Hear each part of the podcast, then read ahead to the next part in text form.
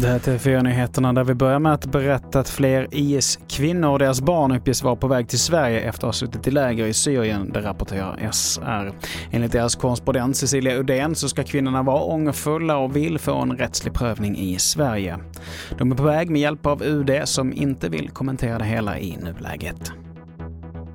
Och allt fler som döms för narkotikabrott är tidigare helt ostraffade. Det visar en granskning som P1-programmet i lagens namn genomfört. En genomgång av tingsrättsdomarna av synnerligen grovt narkotikabrott och synnerligen grov narkotikasmuggling visar att var tredje person som nu döms är sedan tidigare ostraffad.